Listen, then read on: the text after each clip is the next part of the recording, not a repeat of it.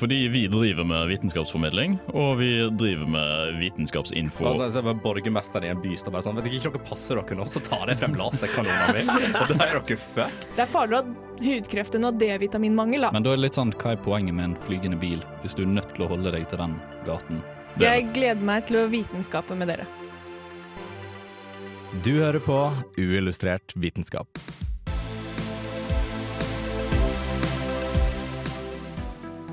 I denne ukens sending av Uillustrert vitenskap fortsetter vi å snakke om språk, men denne gangen skal vi fokusere mer på det kognitive og hva som skjer i hjernen. Vi skal derfor snakke om språklæring, og hvordan førstespråket påvirker andrespråket. Og vi skal snakke om kroppsspråk. Vi har også intervjuet folk som har peiling på nettopp disse tingene. Hallo, hallo, hallo, og velkommen til denne ukas sending av Uillustrert vitenskap.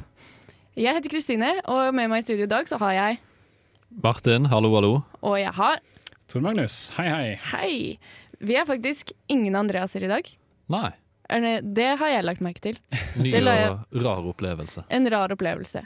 Men uh, her står vi, og vi skal nerde språk. Vi har snakket ja. om språk før, men da snakket vi mer om ulike typer språk. Mm. Og litt mer det sosiale rundt uh, forskjellige typer språk. Ehm, denne gangen så har jeg vært på Dragvoll og snakket med folk som forsker på språk. Ja.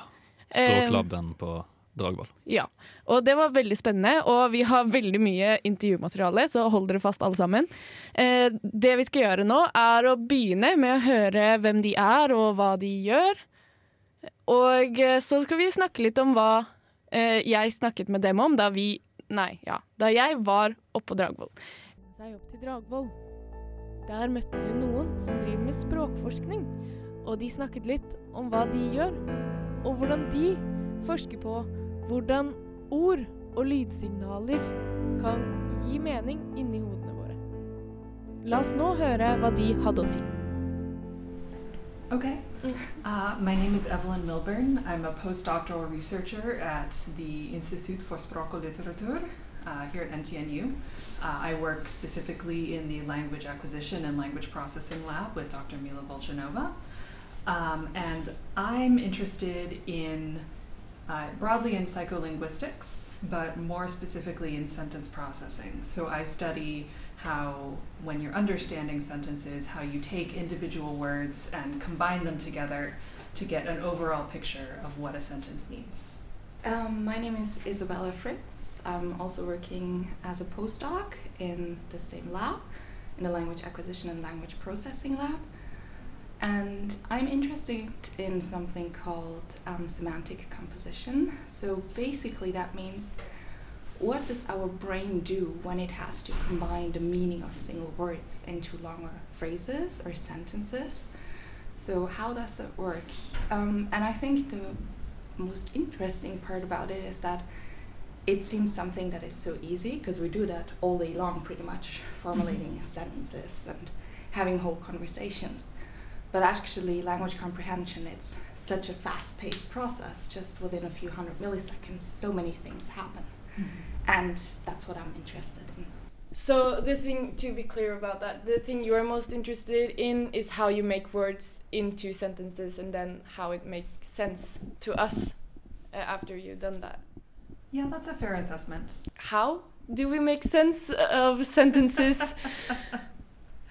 That's a pretty. That's a question that is very quick to ask and doesn't necessarily have one good comprehensive answer, I think. Yeah. Um, so one one question that I'm really preoccupied with quite a lot is I've described myself as being interested in how we combine single words into sentences, but there's increasing evidence that single words aren't the only what you could think of as a building block of sentences. So we also have uh, strings of words that occur in sentences very frequently, and we call those multi word phrases.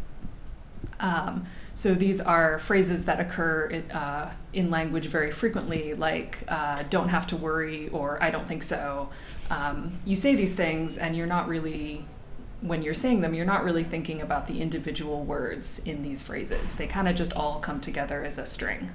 And a lot of the time, when you're making sentences, instead of stringing individual words together, you're actually kind of uh, dropping these big blocks of words together to form sentences. Um, and I'm kind of interested in that tension. Like, these are made of words, these are multi word phrases that are made of individual words, but then we seem to be using them like big words themselves. So we have big words that are made up of small words. Yeah, and they have like one meaning. Well, they don't necessarily. So uh, I'm particularly interested. I did my dissertation on idioms. So Yeah. idioms are multi-word phrases like "kick the bucket" or "sail close to the wind," um, that have figurative meanings. So you wind up with something where, in the case of "kick the bucket," you've got individual words that have one particular meaning, but then when you squish them all together into a multi-word phrase, they mean something totally different. So "kick the bucket" means to die. So I'm interested in how we resolve that tension uh, between single words and then single words having one particular meaning and then phrase level having a completely different meaning, uh, and how uh, other things in the sentence, uh, like the context the sentence is in, or maybe just uh, the the wider world where you're saying the sentence, how, how that influences how you resolve that tension.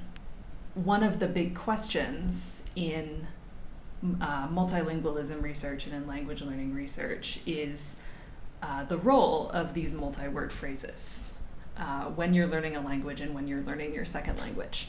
Um, we don't know the, or we're still talking about the degree to which second language learners are aware of the existence of multi-word phrases, uh, are sensitive to other people using them, or are able to use them themselves. Uh, some people think that these are the best way to learn a language is by learning these chunks of words that always go together. Um, but some people think that uh, this is maybe less effective, or we see less evidence of people uh, learning a language being able to use them. Vitenskap er kjempegøy, og derfor er også uillustrert vitenskap kjempegøy. Det er kalas, for å si det sånn. Her på Radio Revolt. Det stemmer, og språk er kjempegøy. Ja, Eh, absolutt. og en annen ting språk er, er veldig komplisert. Ja. Det er jo litt sånn Når hun snakket om det med hvordan man bare trekker sammen ord, Ja. da tenker jeg Mm. på sånn én setning som går igjen, og det er denne 'Skal du være med på butikken?' Og jeg lurer på om den For folk som lærer seg norsk, det må ta litt tid før den sitter, tenker jeg. Altså før de skjønner hva det faktisk betyr. Ja, og det var det vi snakket om også. Det at det, tar litt tid. Eh, det å lære seg Det handler om å lære seg ord i et språk, men det seg, handler også om å lære seg de, eh, de setningene som egentlig er et ord. Mm. Eller som har en egen mening, eh, utenom det ordene egentlig sier. Og det er sånn, Først skal du få ordene til å gjøre mening, men så skal du også lære deg de tingene som er satt sammen av ord, som har en annen mening enn det ordene i seg selv betyr.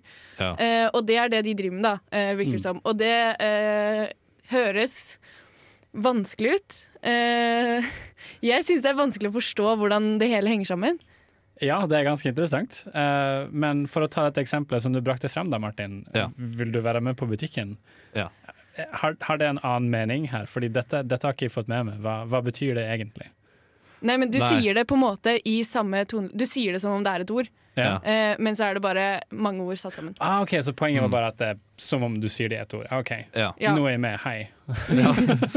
Jeg trodde det var på en måte som kick the bucket, at det betyr noe annet. Å ja, nei, Eh. eh, Når Martin spør om eh, du vil være med på butikken, så kan du godt svare ja hvis du har lyst til å være med på butikken. Ja, men det er godt å vite. Ikke noe problem. Ja, eh, nei, jo, og det andre var jo at ehm, det de gjør, sier jo mye om hvor e lite vi egentlig kan. Og det vi snakket Ja. om også, er at det er helt sinnssykt hvordan de aller fleste klarer å prate. Ja. Og så skjønner vi lite av hvordan det foregår, fordi det er så sykt komplekst. Eh, og eh, det er jo det, du har jo mange steder i hjernen som eh, prosesserer språk. Og det går liksom Først må du høre ordet, og så Mm. må du tenke deg over hva det betyr. Og så må du tenke deg litt mer over Ok, men hva skal jeg svare på dette. Hva betyr dette for meg?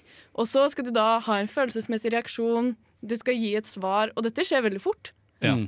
Og det er noe alle lærer seg, og alle lærer seg det veldig, veldig, veldig tidlig. Ja. Vi har jo det barn. Mm. De lærer seg språk når de er i mamma sin mage. Ja, det Ja, de kan jo ta en input rett og slett bare omtrent fra vibrasjoner. Mm. Ja, og da lærer de eh, eh, De hører jo ikke så mye, fordi det er litt sånn hud og sånn i veien. Mm. Men de hører rytmen til språket de skal snakke. Og de eh, tonefallet og litt sånn andre eh, ting som det også er viktig å liksom catche med et språk. Sånne ting som det er veldig vanskelig å lære seg i etterkant. Eh, Rytmen til et språk du ikke kan. Det er jo ofte derfor man får en aksent. Mm. Em, og de lærer så mange ord.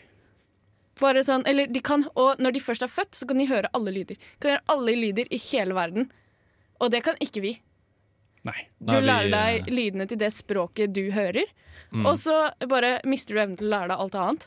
Og det, og Det, det er veldig interessant, fordi barn i starten er på en måte litt sånn åpne, uh, åpne templates, kan du si. Ja. Mens vi som voksne er mer sånn skreddersydd. på en måte. Uh, og det er veldig interessant det med at de kjenner vibrasjonene, som du sier. Barn er veldig dyktige på å kjenne igjen hvilken stemme som er mamma eller pappa, kontra en person som snakker et helt annet språk. Det vil ikke være like interessant uh, som språket som mamma eller pappa snakker da, til de, sant? mm. Ja. Så vi snakket jo litt også om det. Er, det. er man programmert på forhånd til å lære seg språk? Å, det er en stor debatt. oh. Det er en stor debatt. Og det sa de, Ja. bare 'Dette er så kontroversielt!' Det Ah. eh, har vi ikke meninger om, fordi at eh, da, da tråkker du på noen stunt her. Ja, Garantert. Nature versus nurture. ja, fordi på den ene enden så har du jo Chomsky med hans Mm. språkboks i hjernen. Jeg vet ikke helt om han fortsatt er så streng på den teorien sin, eller hypotesen. Mm. Eh, det går vel mer på domener nå, at man etter hvert mister forskjellige domener. Det blir vanskeligere å lære seg grammatikk, blir vanskeligere å lære seg tonefall osv. osv. Men selv det er jo fortsatt veldig kontroversielt. Men det som vi vet, er jo det at det er kun mennesker som har evnen til å lære å snakke som mennesker, kan man si. Ja. Så det må jo være noe, om det ikke er noe i hjernen vår som er tilrettelagt språk, eller om det er bare vår egen intelligens å gjøre det. Det vet vi jo ikke. Nei, det er sant. For Det er jo litt snakk om denne Hva kalte vi denne perioden? En sånn periode hvor du lærer ting lettere som barn. Ja, en I- sensitiv periode. Ja, Ja. Uh, og det er jo, den er jo ikke bare knyttet til språk, vil jeg tro da. At den også er knyttet til flere ting. Ja, du har det Eh, samme for synet, du har det samme for ganske mye Ikke sant? annet. da. Eh, Eh, men da etter et visst punkt, en viss alder, så blir det som Martin sier, vanskeligere å lære ting Ja. uh, generelt. For da har på en måte hjernen tatt til seg OK, disse tingene er viktige, resten trenger vi ikke lære. OK, kjør på. Ja. Og så har du mer ekstreme tilfeller som en kritisk periode, men den er òg veldig kontroversiell, kan man Mm. si. da. Altså, det, det ligner mer på en slags sensitiv periode, men vi vet ikke hvor streng den faktisk er. Den er, den er mer sensitiv enn resten av den sensitive perioden. Ja. Men når vi eh, er over på det med sensitiv periode, så er det jo sånn at du kan ofte, eller vi lærer jo flere språk etter den sensitive perioden. Ja. Hva skjer da? Eh, vi skal snakke litt om eh, det å lære inn et nytt språk, det å oppdage feil når noen snakker, eh, og hvordan de to tingene henger sammen. Det her er Jon Anders Lie, jeg er psykolog, og du hører på uillustrert vitenskap. Det er en lang vei fra å høre et språk til å snakke det. Og nå lurer vi på litt hvorfor, hvorfor det egentlig? I think that's very interesting because a lot of people they're studying a language for passing a test and they're like, "Oh, I'm actually on paper I'm highly proficient, but start talking." And Yeah. that's where the problem maybe starts. And also some people are just a bit afraid of making mistakes. That's what I experience. Mhm. Also for myself, it's like my Norwegian is actually not too bad, I think. But if I have to talk, like, I don't know, maybe the grammar is not so correct. So I think there is some barriers, or that are just in the learner's head.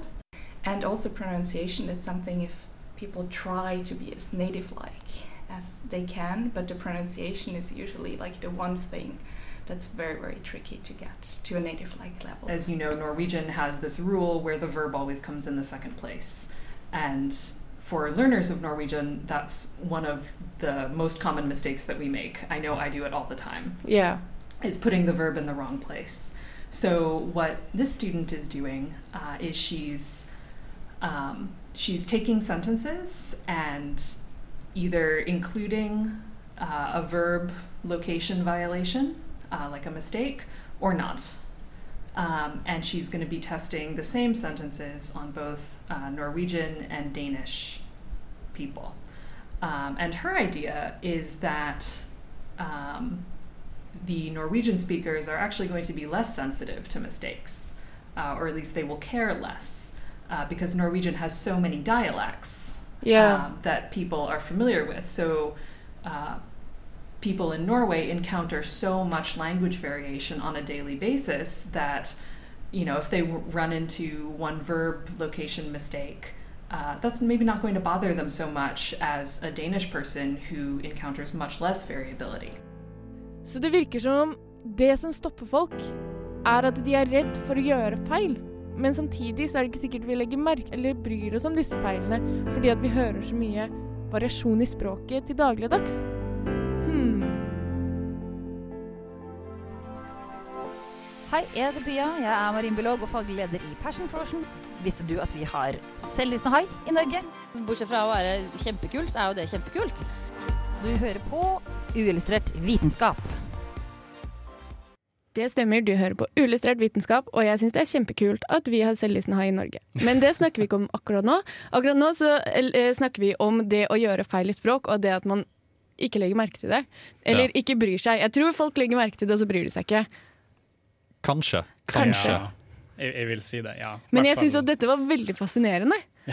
altså, eh, nordmenn er flinkere. Det er jo også, vi litt om, det er også kanskje en grunn til at nordmenn har lettere for å forstå dansk og svensk.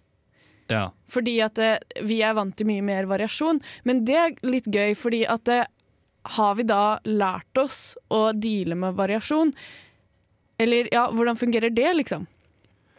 ja. Så tenker du om det er underbevisst eller Ja, er det hvordan Altså, ja, det er jo helt sikkert underbevisst, men da Mm. har vi sikkert trent på å deale med forskjeller og variasjoner. Jeg vil si at det kan virke slik, eh, fordi mange av oss er forventet, altså i Norge, forventet å kunne forstå svensk og dansk. Mm. Eh, jeg vet Mm. sjøl av egen erfaring at første gang jeg hørte dansk, så forsto jeg ingenting. Og jeg var helt fortvilet, uh, og jeg visste ikke helt hva jeg skulle gjøre. uh, men det funket ved at de snakket saktere, eller at vi bare begge byttet over til engelsk. Ja. Så jeg skulle ønske at på måte, vi kunne fått litt mer opplæring i kanskje å forstå dansk og svensk, enn at vi bare har den på en måte Ja ja, vi, vi forstår det.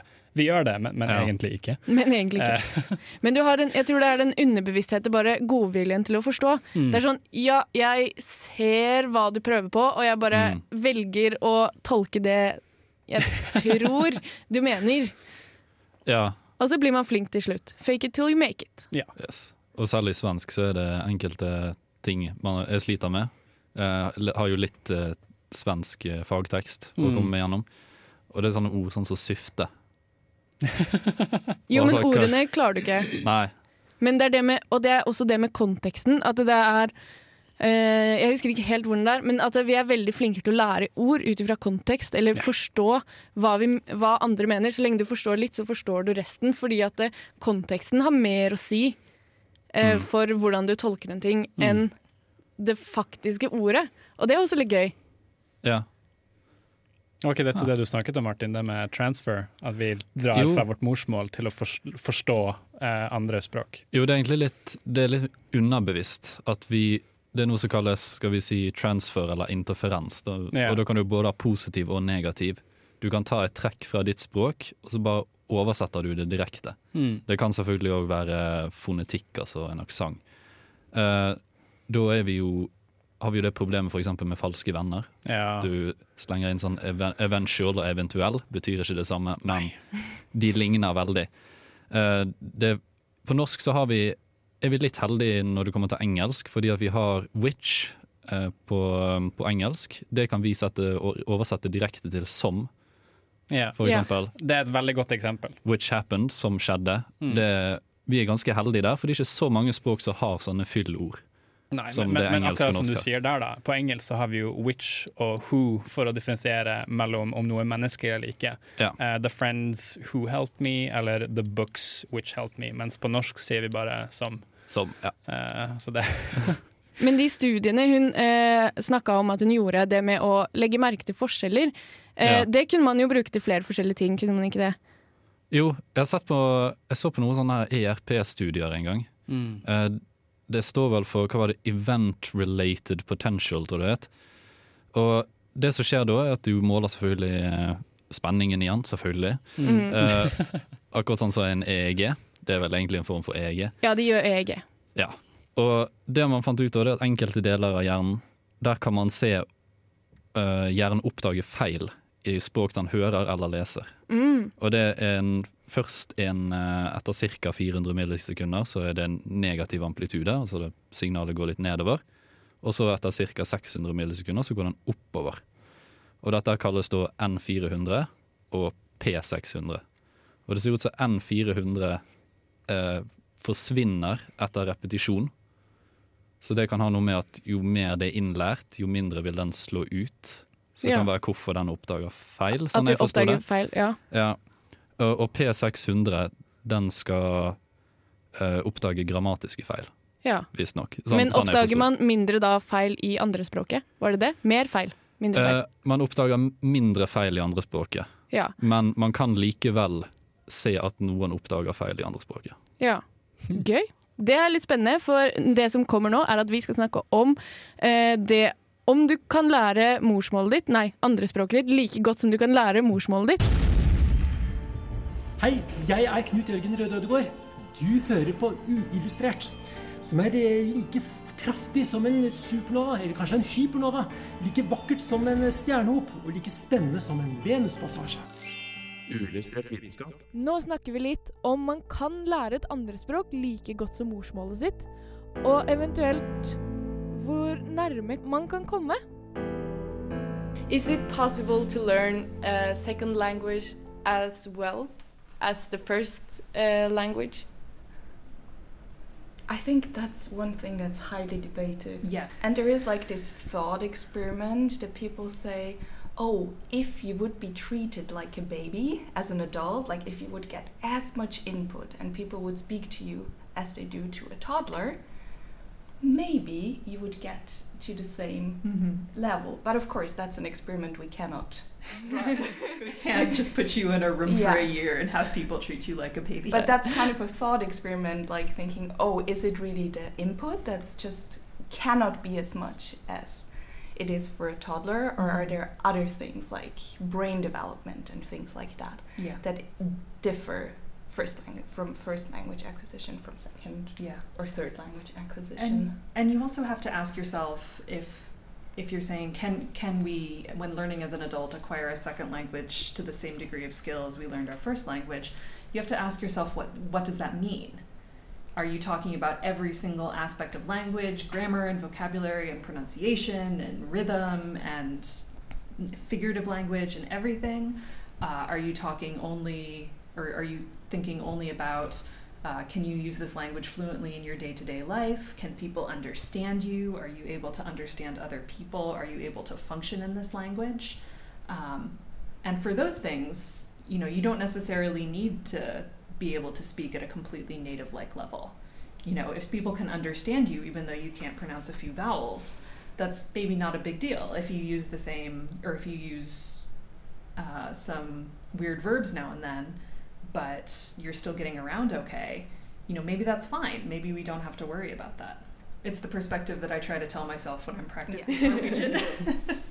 Can you learn a second language that good that, that it goes automatically, or is the automatization only just for the first language? I think when you start learning a language, you always go through the language you're already having, so it's Mhm. kind of a translation process. Yeah. Yeah. But the more competent you're Yeah. getting, that kind of reduces as well. Yeah, so that is one theory of second language learning is that um, you first go through a stage where you're basically translating uh, the new language into your native language or whatever language is easier for you. Um, and you're sort of trying to set up one to one comparisons between words in the new language and words in your old language. Um, and you know that might cause some kind of laborious processing because you have to go through that translation step. Um, and then this this theory says as as you become more proficient, you eventually stop needing to need, needing to translate uh, as those words that you've learned in your second language uh, get their own representations in your brain, get their own entries in your little mental dictionary. Um, That is one theory. Yeah. Um, there's, I, I mean, again, it's it's one of those situations where there are a lot of theories, and uh, no, not all of them are con- to- are totally incompatible with each other. You might have a situation where more than one theory is correct. Uh, Yeah. So, And Yeah. often there is still interference, and Mhm. also from can be from your second to your third language. Yeah. So it's interesting because we were talking earlier about in Norwegian the verb always has to be at the second place. That's just how it works. It's the same in German, but not in English. Mhm. But German speakers still often make that mistake. So Yeah. kind of English is kind of a mediating language that interferes so that you're making the mistake in Norwegian. But just use German, then you get to the right grammar, Mhm. at least in this particular. so, so would you, would you posit that a German speaker who had never learned English would not make this verb position Probably error? not. Yeah, in, in all um, Norwe- Norwegian classes, I was like, all those the teachers said, oh, all these Germans make this mistake, but it's the same as in their native language. so yeah, Should do Because you go through German, through English, and then through Norwegian again. yeah. Yeah. Should so again, it. there, yeah. do yeah, do an experiment. Hello, I'm Lynn Rothschild from NASA Ames Research Center, and this is Unillustrated Science.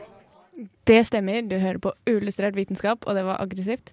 Eh, jeg syns dette er eh, veldig spennende. Ja. Det at du først bruker et språk, det morsmålet ditt, for å oversette, og så plutselig så gjør du det ikke lenger. Og så eh, har du to språk, men du, ja, du er, kan, er ikke nødvendigvis like god i det ene som i det andre, da. Nei. Men du har jo fortsatt en mening til alle ordene i hodet ditt, når du er ganske flink. Ja. Og på denne studien jeg så på, da de snakket om eh, denne ERP-studien, da var jo det om eh, folk som snakker romanske språk, altså språk som kommer fra latin, Ja. som hadde lært seg nederlandsk i en alder av 16 eller seinere. Ja. Og de kunne bli ganske flinke i språket, men det var enkelte ting de slet med. Og det var Det var blant annet kjønn på nederlandsk. For det er visst et ganske Skal vi si Det er litt innviklet system. Eller det er ikke så åpent. Det er ikke så lett å få eh, skikkelige huskeregler, Ja. kan man få det. Så det er vanskeligere å lære seg en ting som er vanskelig. Jeg elsker ja, det når det gir så mye mening. Det er Ja, bare sånn Yes! Endelig en ting i vitenskapen som gir mening. Nei, ja. Mm. Og eh, det også med Det er veldig interessant hvis noen hadde behandlet deg som en baby. Mm. Ja. Fordi måten man snakker til barn Har du lagt merke til det? At man er sånn 'Å, så flink! Å, så fin baby!' Det vi på, Og det vi på engelsk kaller motherese. Ja, Ja. og du drar veldig på vokalene. Du er veldig tydelig, og det er ubevisst for at barnet skal lære seg språk lettere. Det er jo ikke bare fordi at folk elsker å dulle med babyer, og fordi man blir sånn gal i hodet bare man ser en unge, men det er fordi at det, det er programmert inn for at vi skal gjøre det enklere for barnet å lære seg ting. Det er jo kjempegenialt. Det er jo perfekt. Ser du på barne-TV i et annet eh, språk, så har du lettere for å forstå det. Sånn, Ja. ja, det er et tips for å begynne å lære seg et språk. Det er å se på barne-TV på det språket, fordi at da snakker de tydeligere. Mm. Og de er snakker saktere, og de gjør det eh, mye enklere. Og Er det det- er gøy. Aner jeg en reform i språkkursene nå? Og når du kommer inn Hallo! Hallo, så hyggelig å se deg. I dag skal vi lære norsk.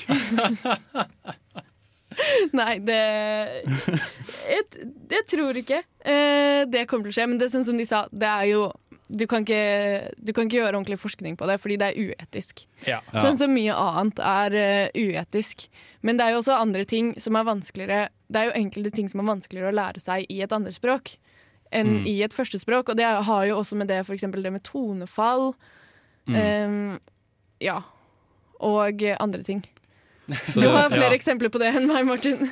Ja, det er jo, de nevnte jo interferens, faktisk. Og det med å gå gjennom flere språk og gjøre feil, det blir jo en form for negativ interferens. Mm. Ja. Og det samme gjelder jo litt på tonefall, for det går jo på aksent. Mm. At man beholder tonefallet og uttalen av enkelte bokstaver.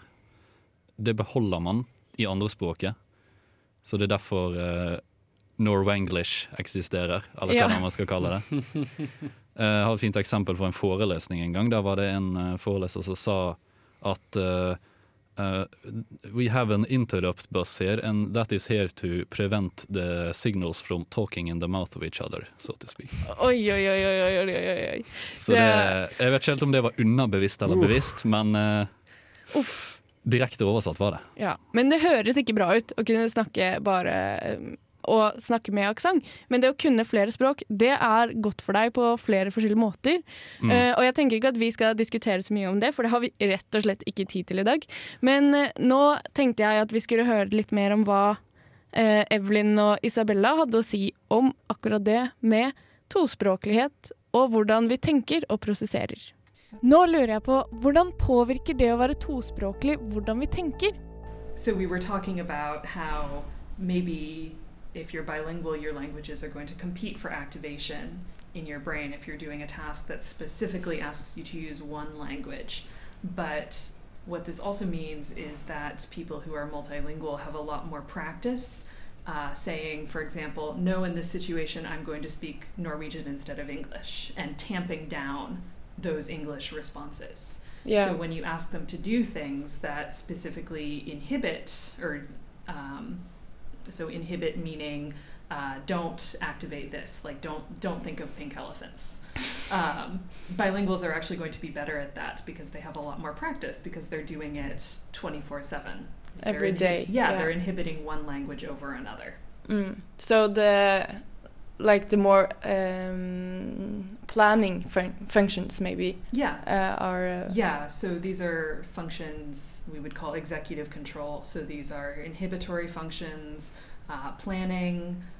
inhibiting distractors. So like people made started making Yeah. then this claims that you can focus more if you're bilingual Yeah, because you can kind using of, attention. Yeah, you Mhm. can kind of ignore things that are not important at the moment. Yeah. But I have to add that this is a very controversial area in the field. Some people would say, "Oh, this all is not true." regardless Yeah, I was about to jump in and provide a disclaimer. Yes. this this is one perspective. But I think what should be highlighted also for us as um, researchers um, on language is that just knowing another language enables you to communicate with so many more Yeah. people. And I think that should be the one advantage that should be overall. Yeah, you know, forget about brain function or cognitive abilities. If you if you speak more than one language, or if you speak multiple languages, that really opens up a lot of communicative doors for you. Um, and I think, you know, that's that's maybe something that we should give a little more weight. Is just you know daily life functions. Is like yeah, it's going to be easier for me if I live in Norway if I speak Norwegian. My name is Dr. Donna Nelson.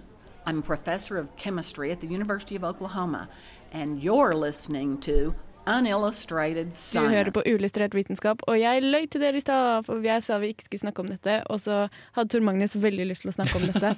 Så nå må vi nesten eh, snakke om eh, det at man har to språk i hjernen som eh, konkurrerer. Ja, altså, det, det var så spennende det hun snakket om til sist her, fordi uh, et, et, et, konsept som jeg forelsket meg veldig i da jeg tok dette faget på engelsk, var uh, noe som heter emotional diaglosia. Ja. Som nemlig er ditt følelsesforhold til uh, ditt morsmål kontra ditt andre språk, eller tredje, fjerde osv. Mm. Eh, fordi du har en mye sterkere følelsesmessig tilknytning til ditt morsmål enn det du har eh, andre språk osv. som du lærer, eh, som eh, innbefatter at hvis eh, du banner, så er det lettere for deg å gjøre det på ditt andre språk, fordi du har ikke så sterk tilknytning til banneordene på engelsk for oss nordmenn, f.eks. Det er lettere å bare si ah, fuck you hvis liksom, du gjorde noe Mm. feil, enn å si faen ta det. Ja, det Fordi- høres litt mer aggressivt ut. Ikke sant? Det Ja. blir plutselig mer sånn wow, OK. Ja, nå, nå må du roe deg. Så du Eh. kan gradere hvilket, hvilket ehm, hvor sint du er på hvilket språk du bruker for å uttrykke hvor sint du er. For eksempel, ja. ja. det er i hvert fall noe som vi vet ble forsket på. For eksempel i en, en annen kontekst da, hvor eh, par ble bedt om å si eh, gode ord til hverandre, som 'jeg elsker deg' eller 'I love you', og så oh, ja. målte de på en måte følelsesreaksjonen i hjernen. eh, og det var betydelig sterkere på morsmålet enn på engelsk, da, som var deres andre språk. Ja, Mm. ok. Vil du snakke om tips, vil du snakke om følelsene dine, så snakk om det på morsmålet ditt. Ja, definitivt. Eh, og det, det er så utrolig spennende, fordi dette betyr at det er lettere å ta vanskelige avgjørelser på språk andre enn morsmålet ditt, Oi! Uh, enn det er ja, på morsmålet ditt. Det eh, er et stikk mot å kunne bruke morsmålet sitt på jobb, for eksempel. Da. For eksempel, ja, hvis du ikke bruker morsmålet ditt på jobb, eh, så er det lettere for deg å ta avgjørelser enn enn ikke. Oi, sånn type Ah. sånn risikable avgjørelser. Og nå tenker jeg krisescenarioer her. Det Altså. var i hvert fall en liten forskjell der. Uh, jeg husker at han, han John Dunyabeita, som han heter, den ledende forskeren på dette feltet, Ja. uh, viste oss sånne grafer hvor liksom det var sånn uh, Big difference between this and that, liksom, eh, på de som tok avgjørelser på engelsk, som var sitt andre språk, eller eh, norsk, som var Ah. morsmål. Det er spennende. Det er veldig spennende. Det visste jeg ikke fra før av. Eh, Glad jeg kunne hjelpe. Bra, bra, takk, takk for meg. Bra du kunne hjelpe. Nei, eh, jeg tenker nå at vi skal gå videre til eh, det med kroppsspråk. Og Ja. da skal vi først høre hva eh, damene på Språklaben hadde å si om kroppsspråk, og så skal vi snakke om det litt, vi. Ja. Og helt til slutt, hvor viktig er egentlig kroppsspråk? Kommunikasjonen vi gjør uten ord. How a big part of a language is the body language? Oh, that's my favorite topic. I actually did my PhD on that. So there's like in the last few decades, this idea um, became more and more popular that language is not just spoken language or sign language, but it's also the gestures that we're using. Yeah. So we're moving more and more away from the distinction oh, gestures are nonverbal, but they're actually part of our language system. So we should also include them in our linguistic research. In everyday conversation, usually we see the people as well. We're using, as I'm doing now, yeah. cannot see. Um, I'm using my hands. I'm communicating with my hands as well, with my eye gaze, where I'm looking at and everything. So that comes into play as well when we're understanding and producing Hmm. language. Yeah. And also, the gestures, they're so closely linked to our language system. So they did some studies where they asked participants to sit on their hands. And people have more problems producing language, especially something that's like spatial. Like if I ask, how do I get to the train station? And you cannot use your hands. That's quite difficult to explain then. And people started struggling to produce sentences. Yeah, so it's more difficult to speak without your uh, yeah, so the idea is that well. you're using your hands to also package your language into chunks like phrases and sentences. So you can see me, I'm using a lot of gestures, and it's really helping me to get my ideas into language. Yeah. Yeah. And also, there is like this cultural thing to it. At least that's like the stereotype. Oh, Italians, they gesture so much. Yeah. But there's actually, I've checked because I've always been asked, do Italians gesture more?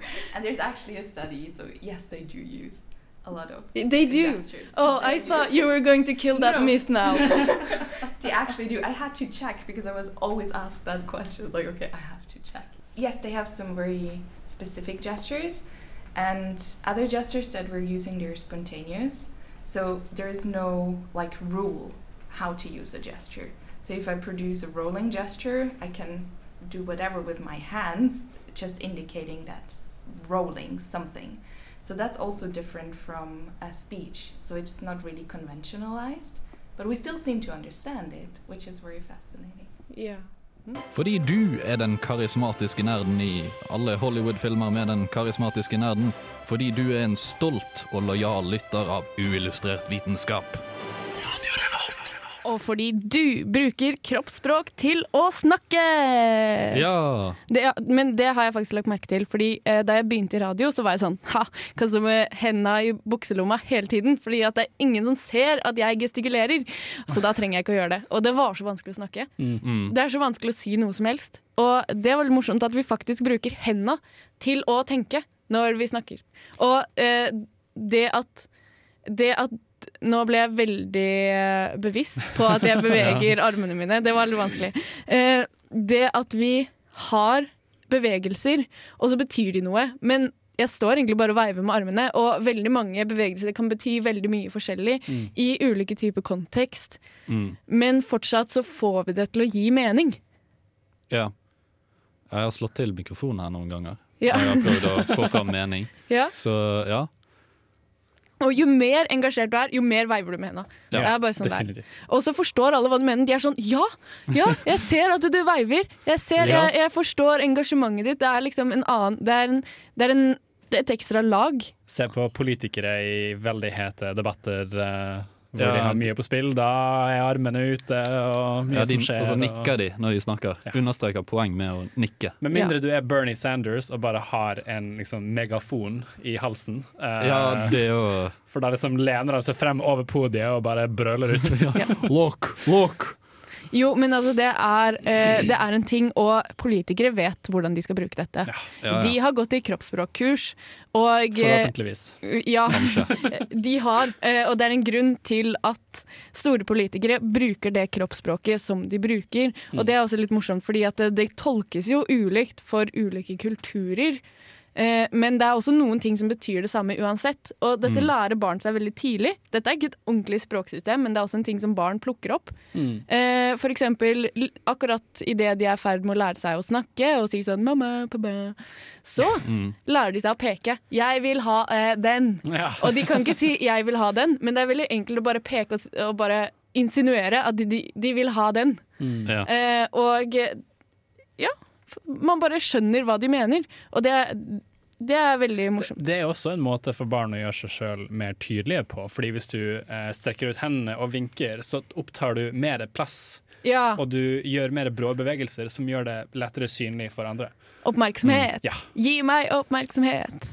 Og det er lettere for folk Ja, du kan si ting med både ord og kroppsspråk som gjør det enklere for folk å forstå. Men det er jo også vanskeligere da å tenke på det med språk og språkutvikling, fordi det er et ekstra lag med det. Det er en ekstra del av det som man kanskje ikke alltid har fått med seg. da. Eksempel når du har tatt lydopptak av noen, men du har ikke videoopptak av de samtidig, så er det litt vanskelig å forstå. Det er også mye enklere å engasjere seg når man ser på noen, enn når man hører på noen. Så Ja. jeg vet ikke hvordan podkast er klart å bli liksom hipt, men uh, når man ikke har TV. Man trodde jo at det kom til å skje. Mm. Um, så det har veldig mye å si. Og jeg spurte også hvor mye har kroppsspråk å si, og så begynte hun å le. Så sa hun det er mye, men jeg har ikke noe tall. Nei. Ja, jeg hadde lyst på et, eh, hadde lyst på et tall. Men det er jo også sånn de som ikke lærer seg å snakke med ord, Mm. Mm. de bruker jo også kroppsspråk til å snakke. Ja. Eh, Du og tenker på tegnespråk? ja, jeg tenker på tegnespråk, men også de som ikke har gått på tegnespråkskolen, da, for å si det Ja. sånn. Eh, de har jo også lært seg å bruke enkel, enkelte, jeg vet ikke, gestikuleringsbevegelser, i mangel på et norsk bra ord på det, eh, som folk forstår selv om de egentlig aldri har snakket med folk før. Og det Hvordan klarer vi det? Hmm, er vi født sånn, eller har vi lært det? Det skal vi ikke ta nå, men eh, jeg vil bare påpeke communication always finds a way. Det er kanskje konklusjonen å dra fra det. ja. Ja. Det vil jeg si. Eh, vi har ikke tid til å snakke mer om språk i dag, tror jeg. Dessverre. Nei, det ser ut som vi begynner å gå tom for tid. Det ser ut som vi begynner å gå tom for tid, dessverre. Eh, så vi skal bare gå videre, rett og slett. Houston, we got some unillustrated facts about space. Eagle Houston, you're go for landing, over. Uillustrert vitenskaps romfakta. Haha, jeg visste ikke at vi måtte snakke om romfakta nå. Jo eh, eh. Eh, eh, eh, Visste du at du kan få plass til alle planetene i solsystemet mellom jorden og månen? det visste jeg faktisk. Men det var en bra romfakta. Nå har vi oppfylt det kravet. Mm. Eh, vi eh, har i dag Men vi har hatt språkfakta. Vi har hatt språkfakta. Mange. Store mengder av de. Uh, dette er veldig spennende, det har vi sagt veldig mange ganger i løpet av dagen i dag. Uh, og det er fordi det er spennende, og det er veldig mye vi ikke vet. Jeg tror det er en grunn til at folk har mye, eller ja, at folk syns det er interessant. Mm. Fordi at dette er et felt vi ikke vet så veldig mye om ennå. Mm. Så det blir spennende å se. Får vi mer kunnskap, eller er dette alltid lost for oss? Hjernen er så komplisert.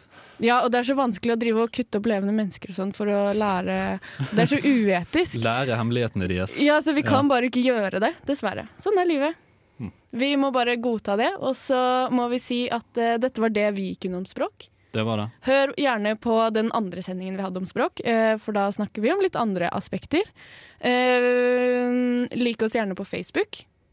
Ja, det var Der fint. eh, legger vi ut informasjon om at vi har hatt sending. Det er jo fint å få med seg. Eh, sendingene ligger på Radio Revolt sine nettsider -hmm. og på eh, samtlige podkasttjenester. Ja. ja. Og send oss gjerne et spørsmål hvis det er noe du vil at vi skal snakke om. Fordi at eh, vi svarer gjerne på spørsmål. Men det var alt vi hadde for i dag. Jeg har vært Kristine, og med meg i studio i dag så har jeg hatt Tor Magnus. Takk for meg, det var hyggelig å være her. Jo, takk selv. Jeg har hatt eh, Martin. Ha det bra. Ha det bra, og vi snakkes neste uke. Du har lyttet til en podkast på Radio Revolt, studentradioen i Trondheim. Sjekk ut flere programmer på radiorevolt.no.